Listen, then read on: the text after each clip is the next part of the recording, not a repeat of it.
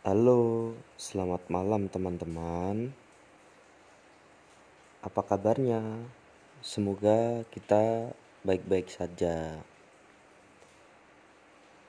Malam ini saya akan menceritakan kegiatan-kegiatan sehari-hari saya yang saya rutin lakukan.